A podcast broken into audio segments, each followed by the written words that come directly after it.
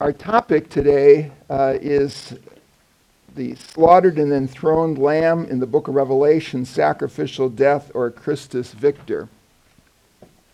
Because of the difficulties in interpreting the book of Revelation, including among Lutherans who are influenced by Luther's early distaste for the book, as well as its, as well as, as its classification as antilegomena within the early church, it is not a book that has been featured prominently in discussions of atonement within the, the New Testament. This is an unfortunate situation, and I'm thankful for the organizers of this conference chose not to ignore this book because it truly has much to teach us about atonement if we but listen, look. After all, Revelation is a visual book, and learn. This paper will demonstrate that Revelation teaches about atonement in a manner that reflects the three major theories or models of atonement discussed prominently by theologians, exegetes, and pastors. The so called Anselmic. Sure.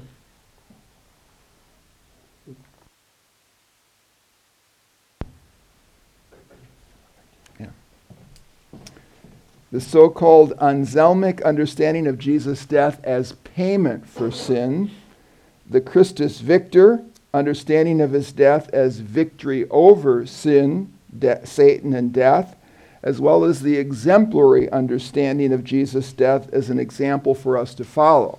I will say, I am not putting a grid on Revelation and saying that the author uh, John, as he saw this vision, is thinking in these categories. He wrote down what he saw and experienced.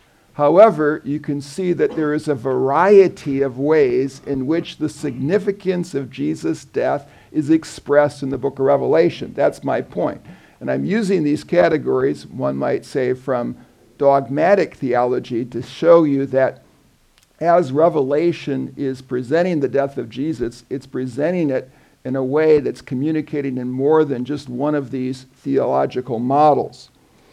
An examination of how atonement is presented in the book of Revelation must focus not only on the textual evidence that explicitly mentions blood, payment, victory, or example, but also must focus on the visual presentation of Christ that dominates this visionary prophecy. The unveiling of Jesus as the slaughtered and enthroned lamb.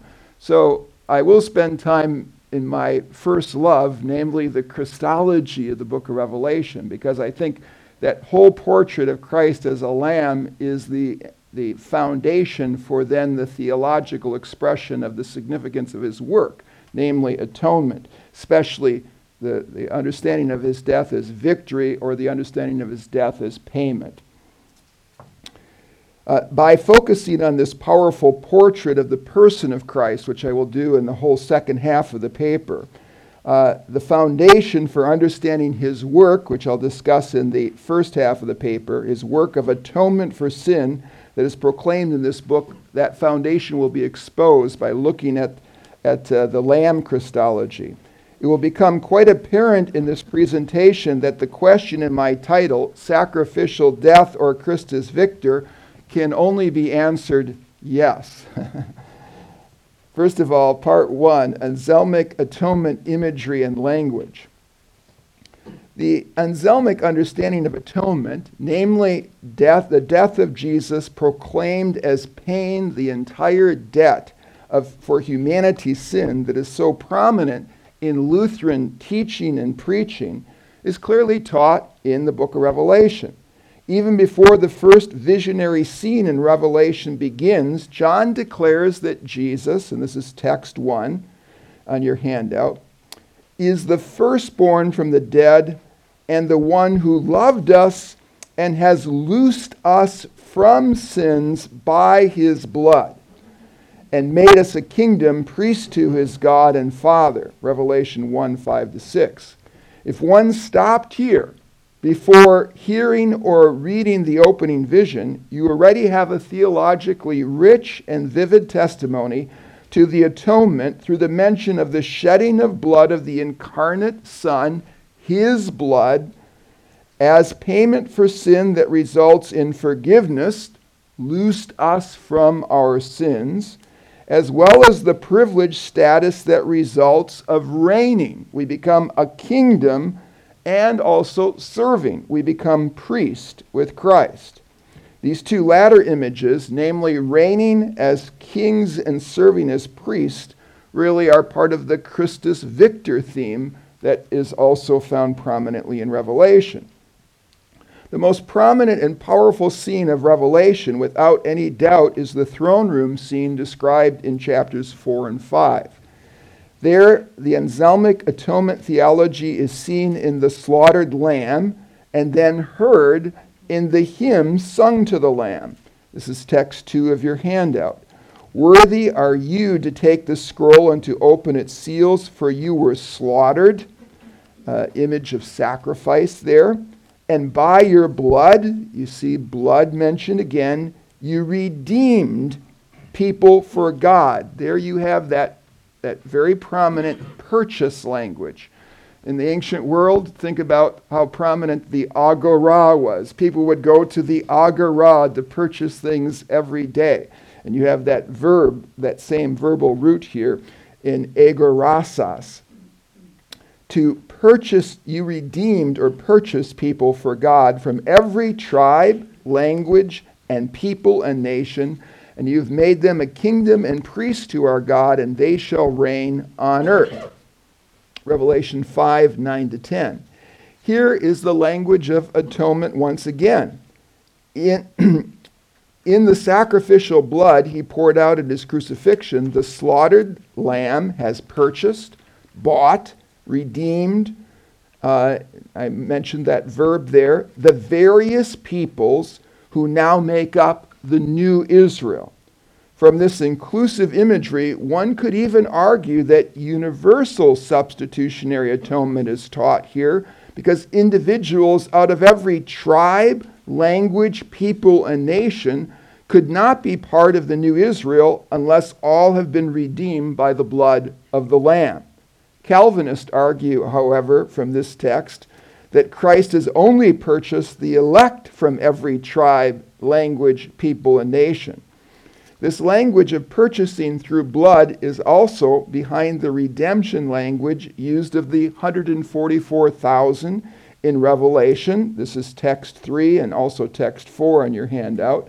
No one could learn that song except the 144,000 the redeemed or the purchased ones. Here you have the participle, same verbal root.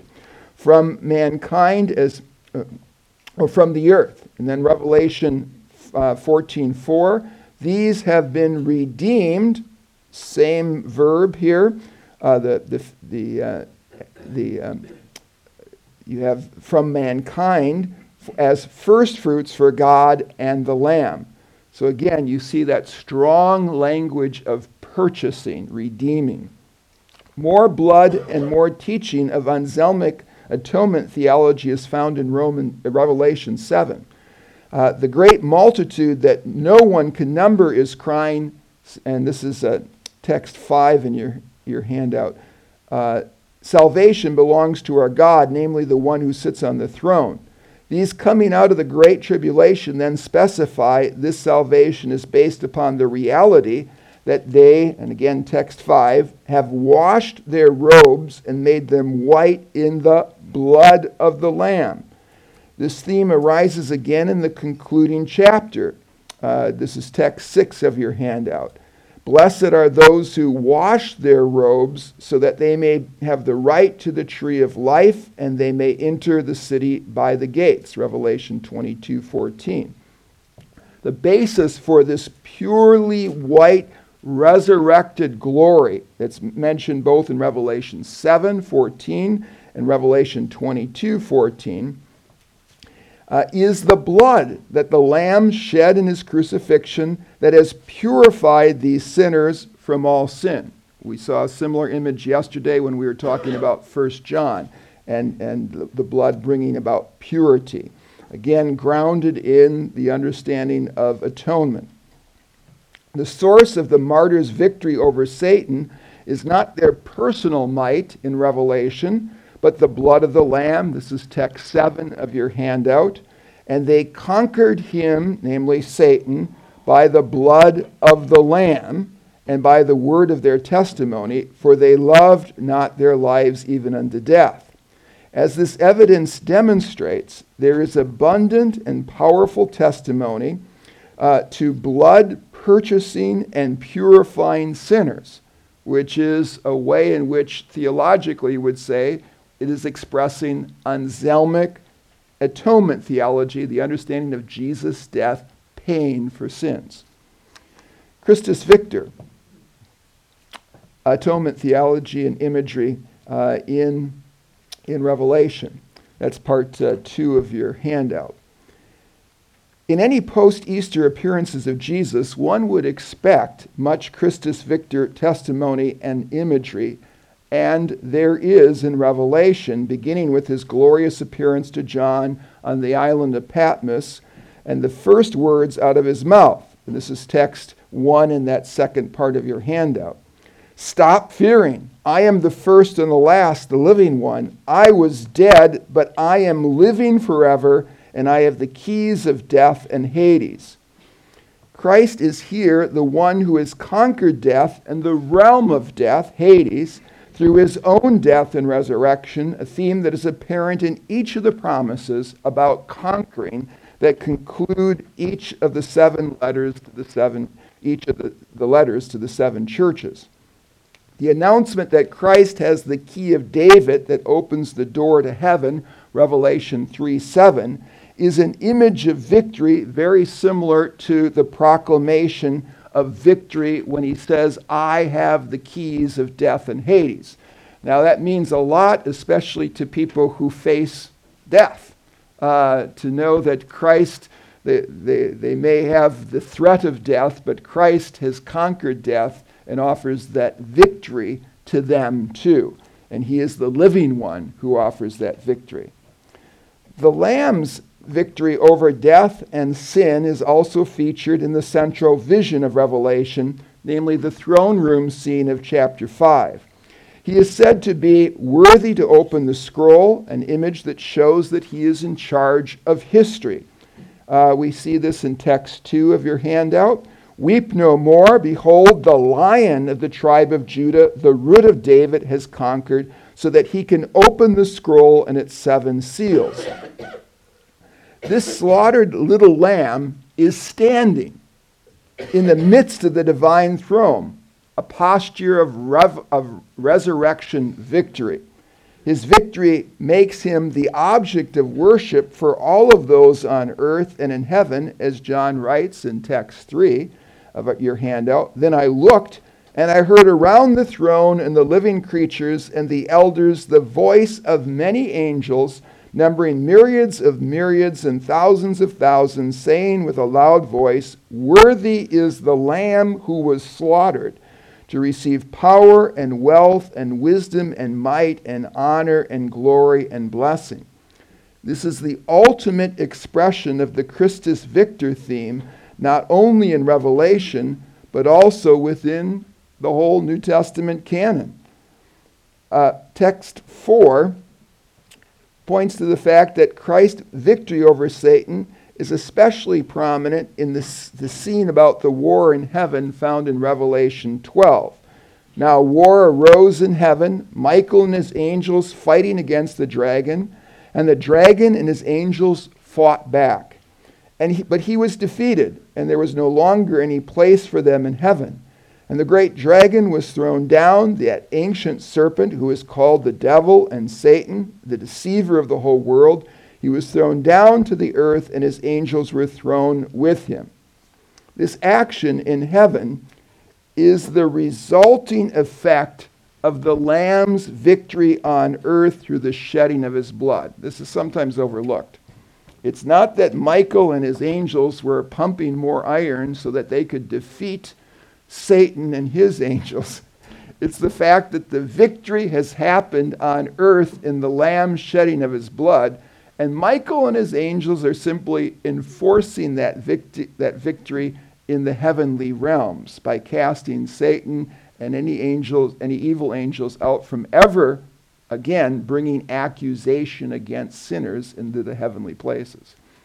So it's not that Michael and his angels are stronger. And by the way, um, some of you may be familiar with the fact that Luther often, not Luther often, but in a sermon, Luther mentioned Michael as Christ. Uh, I, I don't agree with that in spite of all of my interest in angels. uh, I would say Michael uh, in Daniel and in the book of Revelation is clearly a created angel, a leader of God's uh, angels, the protector of his people. And so uh, he, is, he is not uh, the, the, the, Christological figure in the book of Revelation. Uh, it is the Lamb and it is the glorious man who is the Christological figure. And Michael is simply taking the victory of the Lamb and the bloodshed and enforcing it in the heavenly realms. The theme of victory is also signaled by the title given to Christ in Revelation Lord of Lords, King of Kings. Uh, think about that in, in light of, uh, of the um, uh, earthly rulers, including the, Caesar being called uh, uh, Kurios. Um, so it is first heard in the vision of the harlot of Bab- the harlot who is also Babylon. This is text 5 of your handout. They will make war on the Lamb, and the Lamb will conquer them, for he is Lord of lords and King of kings, and those with him are called and chosen and faithful. Even more vivid is text 6 of your handout, Revelation 19:16, where you have the, this King of Kings and Lord of Lords depicted as the conquering warrior on the white horse who treads the winepress of the fury of the wrath of God Almighty. Um, Revelation 19:15 throwing the beast and the false prophet into the lake of fire and single handedly slaying with the sword of his mouth all who make war against him. Revelation 19 19 to 21. The theme of Christ's reign, introduced in Revelation 5, is sounded again in Revelation 11. This is text 7 of your handout. The kingdom of the world has become the kingdom of our Lord and his Christ, and he shall reign forever and ever. Revelation 11:15. This reign of Christ, and again that's a very strong Christus Victor theme in the book of Revelation that the Lord reigns.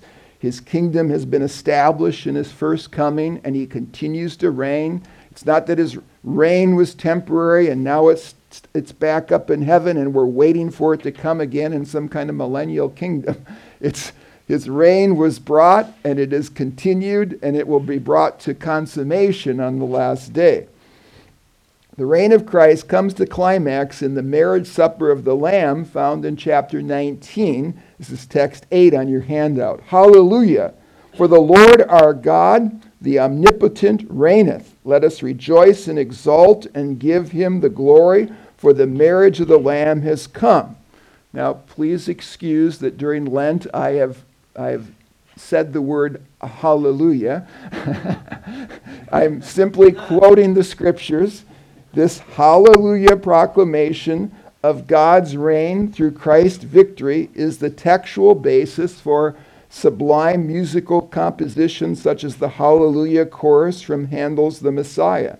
Yes, this Christus Victor atonement theology in Revelation has continued to be the Holy Spirit's voice to point many Christians to Christ's victory and eternal reign forever and ever.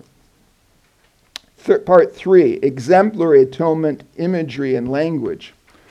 Lutherans are extremely comfortable with the anselmic payment and they are even comfortable with Christus Victor, but they get a little nervous about talking about Christ as example. But it's in Scripture, and it's in the book of Revelation. Finally, the exemplary understanding of atonement is also found in Revelation. The most prominent example of this is Jesus being repeatedly proclaimed to be the witness, ho martys, uh, and the one who gave witness, Martyria, through his teaching and life.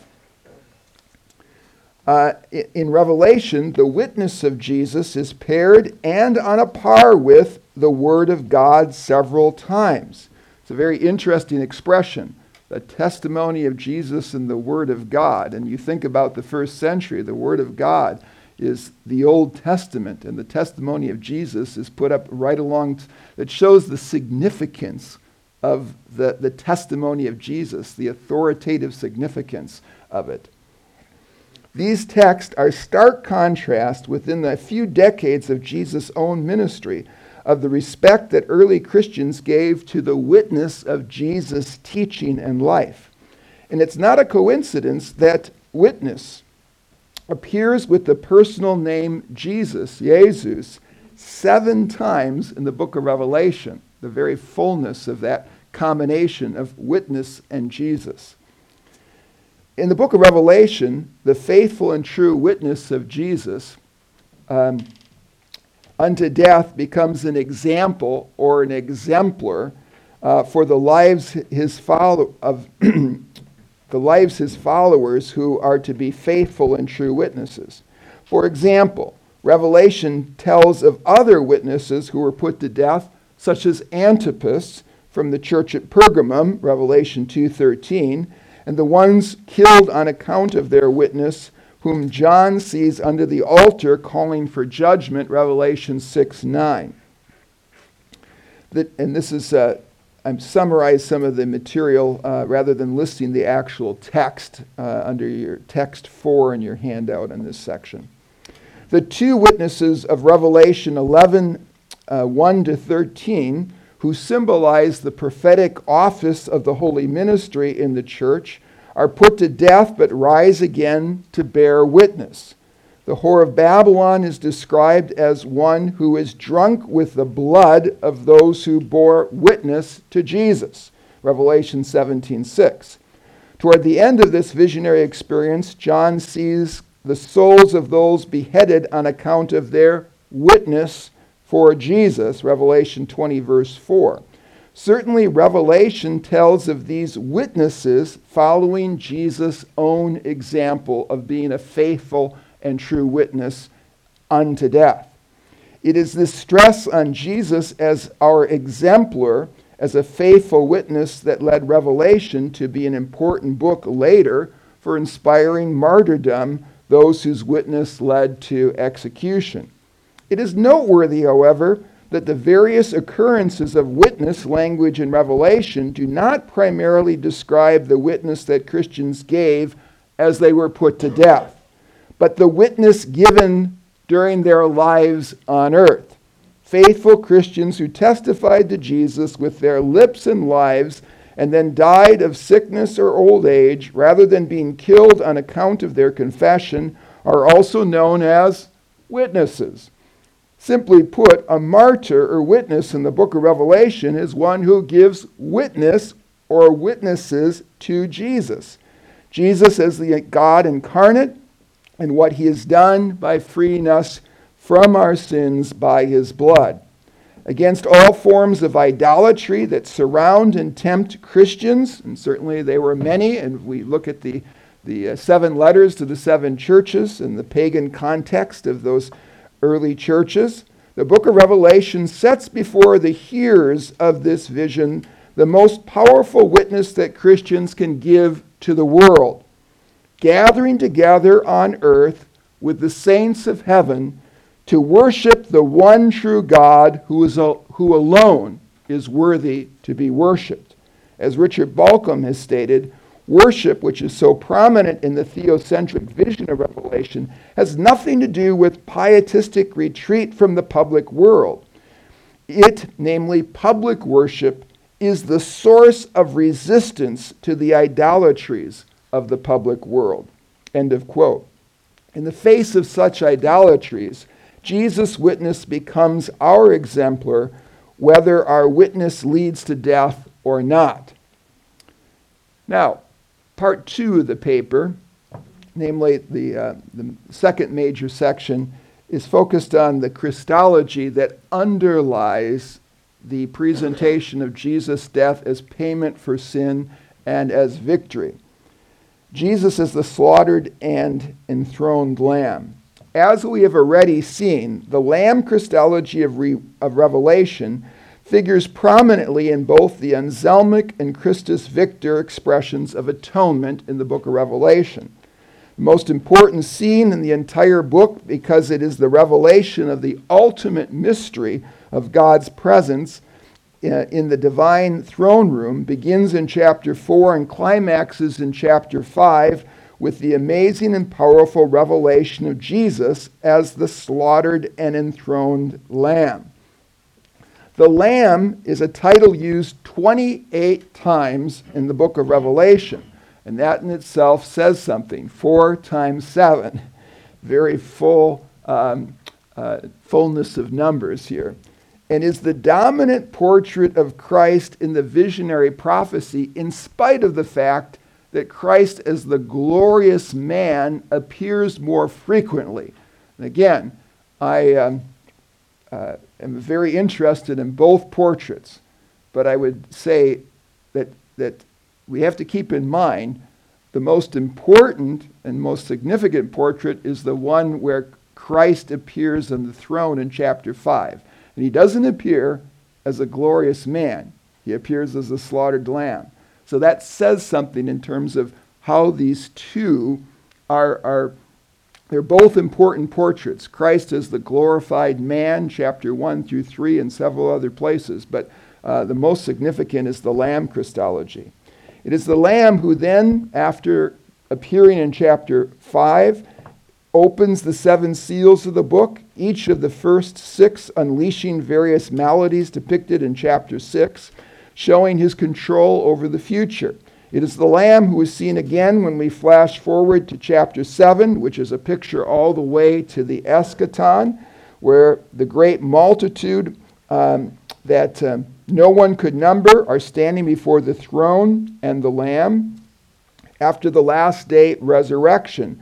When this little lamb is also the shepherd, again, there's irony, who guides the saints uh, to springs of living water and wipes away every tear. The Lamb is seen again in the midst of the 144,000, which is there, the church militant in chapter 14, affirming that this Lamb is not only enthroned in heavenly glory, but is also present in the midst of his church militant during the daily struggles she endures. And finally, the Lamb appears again on the throne in chapter 22 in the heavenly Jerusalem, a scene that once realized will go on for all eternity.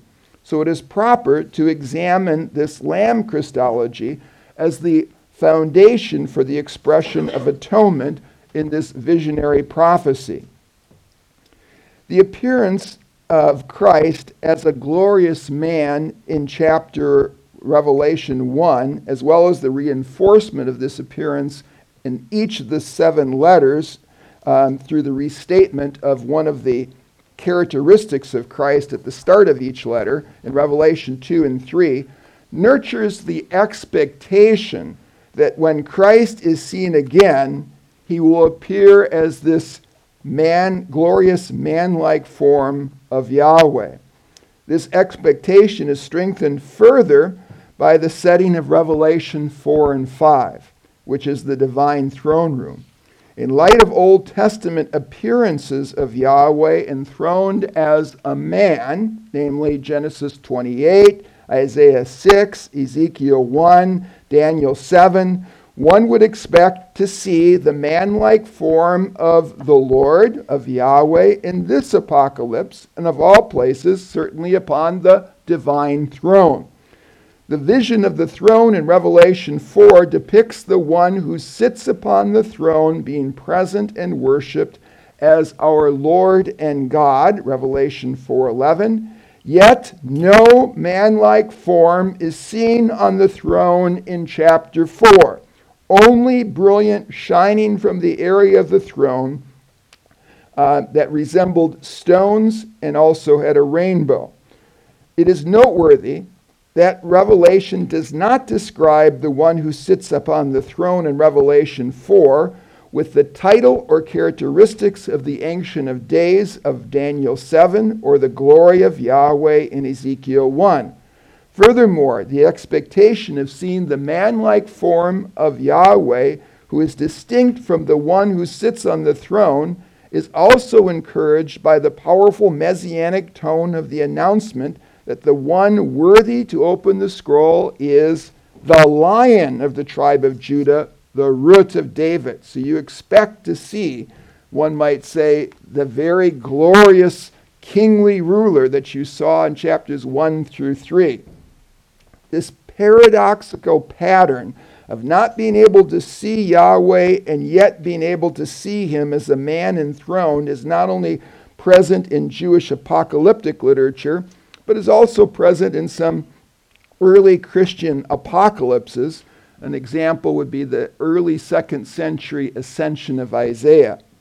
In this um, apocalypse, the great glory, who is the Father, it's a Trinitarian Christian document, is acknowledged as present on the divine throne, yet Isaiah, the, the figure that's um, it's written from the perspective of Isaiah. It's obviously not the biblical Isaiah. This is a creation of an early Christian uh, group that was interested in the visionary experience of Isaiah. Uh, yet Isaiah is unable to actually see the great glory. The beloved, who is the Son standing by the side of the great glory, with the angel of the Holy Spirit on the other side, so that's the Trinitarian picture in the ascension of Isaiah. You have the great glory, the Father, who is not seen. You have the angel of the Holy Spirit, that's the picture of the Spirit, and yet you have the beloved. And so the beloved is the one uh, in whom you see the, the visible manifestation of God. The beloved, who is the Son at the side of the great glory with the angel of the Holy Spirit on the other side, is the visible man like form of Yahweh. Although there is a hierarchy of glorious persons within the Trinitarian theology of the ascension of Isaiah, nevertheless, the beloved is the primary visible glory figure in this document. And it, the document clearly identifies the visible form of Yahweh as Christ. Now, just I'm going to give you a contrast. If the book of Revelation was sort of following this typical Old Testament pattern, you would expect then, just like in this other Christian document, you would see Christ enthroned as a glorious man. What's the contrast in the book of Revelation? He's enthroned as this lamb. And what a powerful portrait that is. Instead of seeing the, un- the expected likeness of a son of man on the throne, a la Daniel 7, a la Revelation 1 to 3, this surprising sight is unveiled. Text one of your handout in this section. And I saw in the middle of the throne and in the middle of the four living creatures and the 24 elders a lamb who was standing, even though he had been slaughtered, who has seven horns and seven eyes that are the spirits of God who are sent out to all the earth. The surprise here is not that the reader or hearer expects to see a lion and then sees a lamb, but that one expects to see the man like form of Yahweh and instead sees a slaughtered lamb who is standing enthroned as the ruler of the cosmos. It is therefore not helpful to characterize this as rhetorical reversal, namely promising a lamb and then presenting, promising a lion and presenting a lamb, but rather as a redefinition of messianic expectations because John understands the promised lion is the slaughtered yet standing lamb. Richard Bauckham explains this redefinition process in this manner, and I quote The two messianic titles evoke a strongly militaristic and national image of the Messiah, of, of David, as conqueror of nations, destroying the enemies of God's people. But this image is reinterpreted by what John sees the Lamb whose sacrificial death has redeemed people from all nations. By juxtapositioning the two contrasting images, John has forged a new symbol of conquest by sacrificial death. The messianic hopes evoked in 5 5 are not repudiated. Jesus really is the expected Messiah of David. But insofar as the latter was associated with military violence and narrow nationalism, it is reinterpreted by the image of the Lamb. The Messiah has certainly won a victory, but he has done so by sacrifice and for the benefit of the people of all nations, not only Israel. Thus, the means by which the Davidic Messiah has won the victory is explained by the image of the Lamb, while the significance of the image of the Lamb is now seen to lie in the fact that his sacrificial death was victory over evil. End of quote. The reversal that the reader and hearers experience, therefore, is seeing the Lamb on the throne instead of the man or the one like a son of man. The significance of this scene for the Christology of the, of the book of Revelation is difficult to overstate. It introduces the Lamb Christology that dominates the presentation of Christ throughout the book, throughout the visionary prophecy. The importance of this scene for the, Christol- for, for the Christology of Revelation is reinforced by the fact that the Lamb appears in the midst of the throne, not separated from it. Now, we're so used to seeing Jesus enthroned that this doesn't seem to be very significant. But in the first century, this is an extremely significant position. This is God's throne, and the Lamb shares it. And he's not, you know, he's right there in the middle of it. It's a very significant theological statement of saying the unity between the one seated on the throne, the Father, and the Son. It's a very significant statement about the divinity of this Lamb. Uh, along with the fact that he has um, seven horns uh, and he's standing, uh, that communicates certainly uh, in Daniel, one horn was a symbol of power, so seven horns is a symbol of, of um, omnipotence. Uh, and there is no more important figure in these scenes than w- the one upon the throne. To see the Lamb in the midst of the throne is a visual way of expressing the identification of Christ within the mystery of the one God of Israel. The veneration of the Lamb, moreover, is another way through which this scene depicts Christ within the mystery of the one God, because to worship anyone other than Yahweh is idolatry. But yet, Christ is depicted as the focal point of worship. So, true worship of the God of Israel includes the Lamb, and actually, the Lamb is the visual focus of that. The veneration or worship of the Lamb follows and even expands the pattern established in the worship of the one who sits on the throne in chapter 4.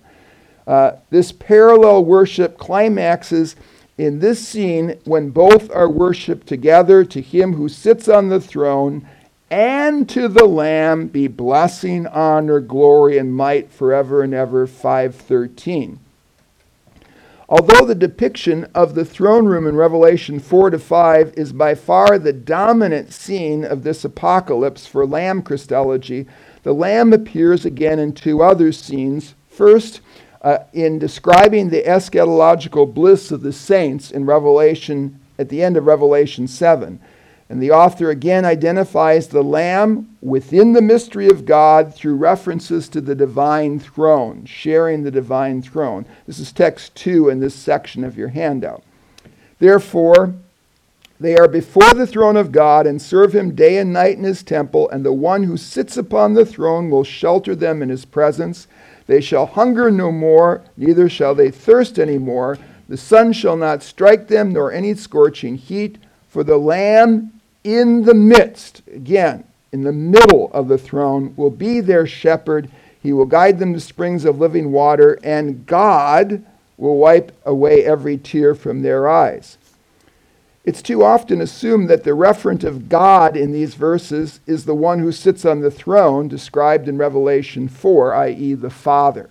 It is noteworthy that both the one who sits on the throne and the Lamb in the midst of the throne occupy the throne of God.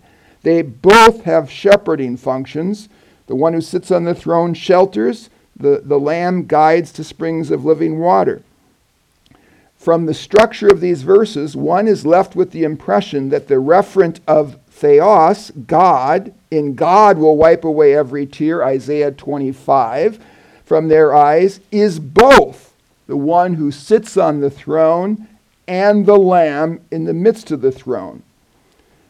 The other scene that features the Lamb is where the 144,000 are gathered with the Lamb on Mount Zion. Two details are especially significant. First, the 144,000 have the Lamb's name and his Father's name written on their foreheads. This detail recalls the scene where the saints are sealed with the divine name in chapter 7, 1 to 8. It communicates that the Lamb and the one seated on the throne share the same divine name, Yahweh. Second, although the Lamb is not explicitly mentioned as being on the throne here, the text does note that the 144,000 sing a new song before the throne and before the four living creatures and before the elders. The implication is that the Lamb standing in the midst of the throne is the object of worship. In order to understand the Christology being communicated by these appearances of Christ as the Lamb in the book of Revelation, it's important to explore the background for this Lamb imagery and I have a longer section on this. I'll just summarize it in light of our time. That basically there are three possible backgrounds. One, the Passover lamb of Exodus 12 and annual Passover observances, the atonement goat that is discussed in Leviticus 16, uh, and then the eschatological warrior lamb that's found in some apocalyptic literature of the Second Temple period. And there's considerable debate about these three backgrounds. Uh, it will be my best um, way of summarizing it is all three are important, but the Passover lamb is actually very prominent and, and uh, the most prominent background for what is depicted in the book of Revelation. However, in early Christianity, because Jesus died on the Passover, you have the melding of Passover theology with atonement theology. So uh, Exodus 12 and Leviticus 16 are joined in terms of understanding Jesus as the Lamb. And I will uh, skip over this part and move forward toward closer to my conclusion. In light of the appearance of Christ in Revelation as, um, uh, as the glorious man in 1 through 3, the question could be asked why this lamb theology instead of the man? And, uh, you know, I, I would say there's a couple of reasons for this, and I'll highlight them briefly. Although actual visionary experience of the Lamb certainly explains its presence. Namely, if John was just writing this without having seen it, he would have simply uh, followed the Old Testament tradition of putting the glorious man uh, on the throne. But he actually saw the Lamb. So that's the foundation for why he wrote about the Lamb. However, it doesn't explain why John allowed the Lamb Christology to be quite as, as dominant as it, as it is in his writing. He uses that title very frequently. I think the reasons Christ as the Lamb is given prominence center around John trying to communicate about Christ, especially his incarnation, his humanity, and his atoning death, as well as the Christian life, especially faithful witness unto death. Uh, Larry Hurtado expresses this point with great clarity, and I quote The designation of Jesus as the Lamb reflects the author's emphasis on Jesus' sacrificial death as the key event that both secured redemption and also serves as the model for their own commitment. Of these two, the former reason is the most important, as Richard Bauckham states. It is the central role which the death of Jesus played in the Christian understanding of redemption, which accounts for the centrality of the Lamb to Revelation's use of this new Exodus motif. End of quote. The Lamb scenes communicate the exalted and reigning Christ is none other than the faithful one who became flesh and blood, the incarnation, is, is emphasized so much by the, the Lamb. You, you can't somehow think that Jesus left behind his flesh and blood, left behind the importance of his sacrifice. It's put before you in the, the, the scene of Revelation 5 by depicting Jesus as a slaughtered yet standing lamb. The atoning death of a fully human and a fully divine Jesus as the continuing source of cosmic victory over Satan occupies center stage in this vision. Furthermore, this imagery of the slaughtered lamb who is a faithful witness to death resonates with Christians who are experiencing some sorts of persecution, even death, and feel like sheep led to the slaughter. Uh, Romans 8:36 the portrait of slaughtered of the slaughtered yet standing and enthroned lamb who conquered by means of his own death encourages the faithful to conquer also through his death.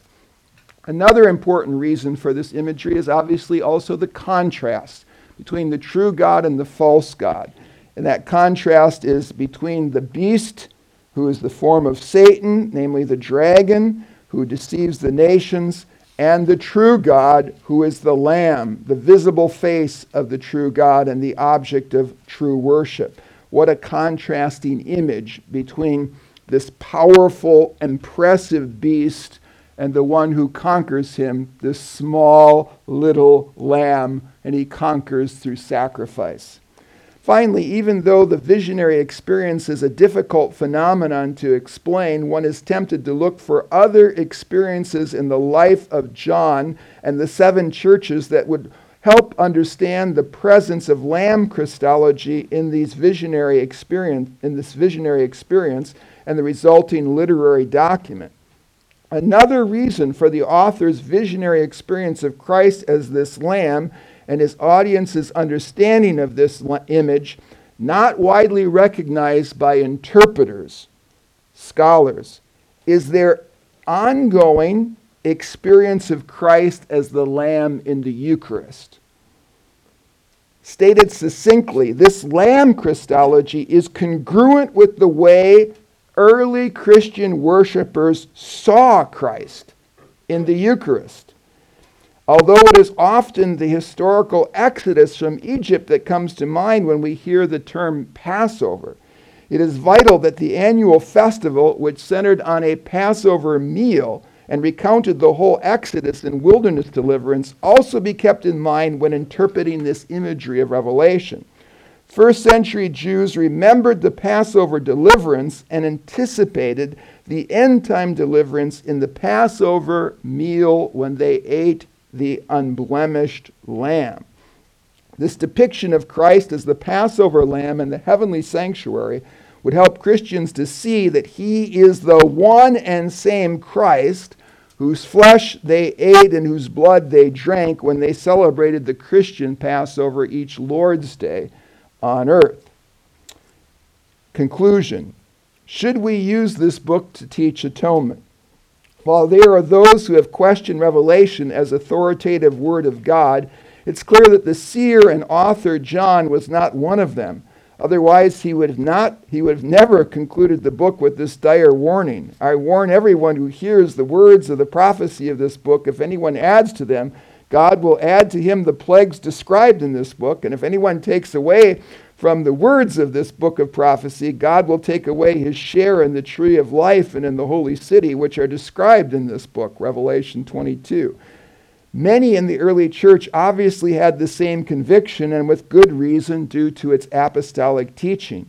Contrary to Luther's early assessment, which has made um, what has been made very apparent in this uh, discussion through the evidence presented is this atonement is clearly taught and known in this book. We do well to meditate on it during this Lenten tide and to celebrate it victoriously during the great 50 days of Easter ahead. Thank you for your attention.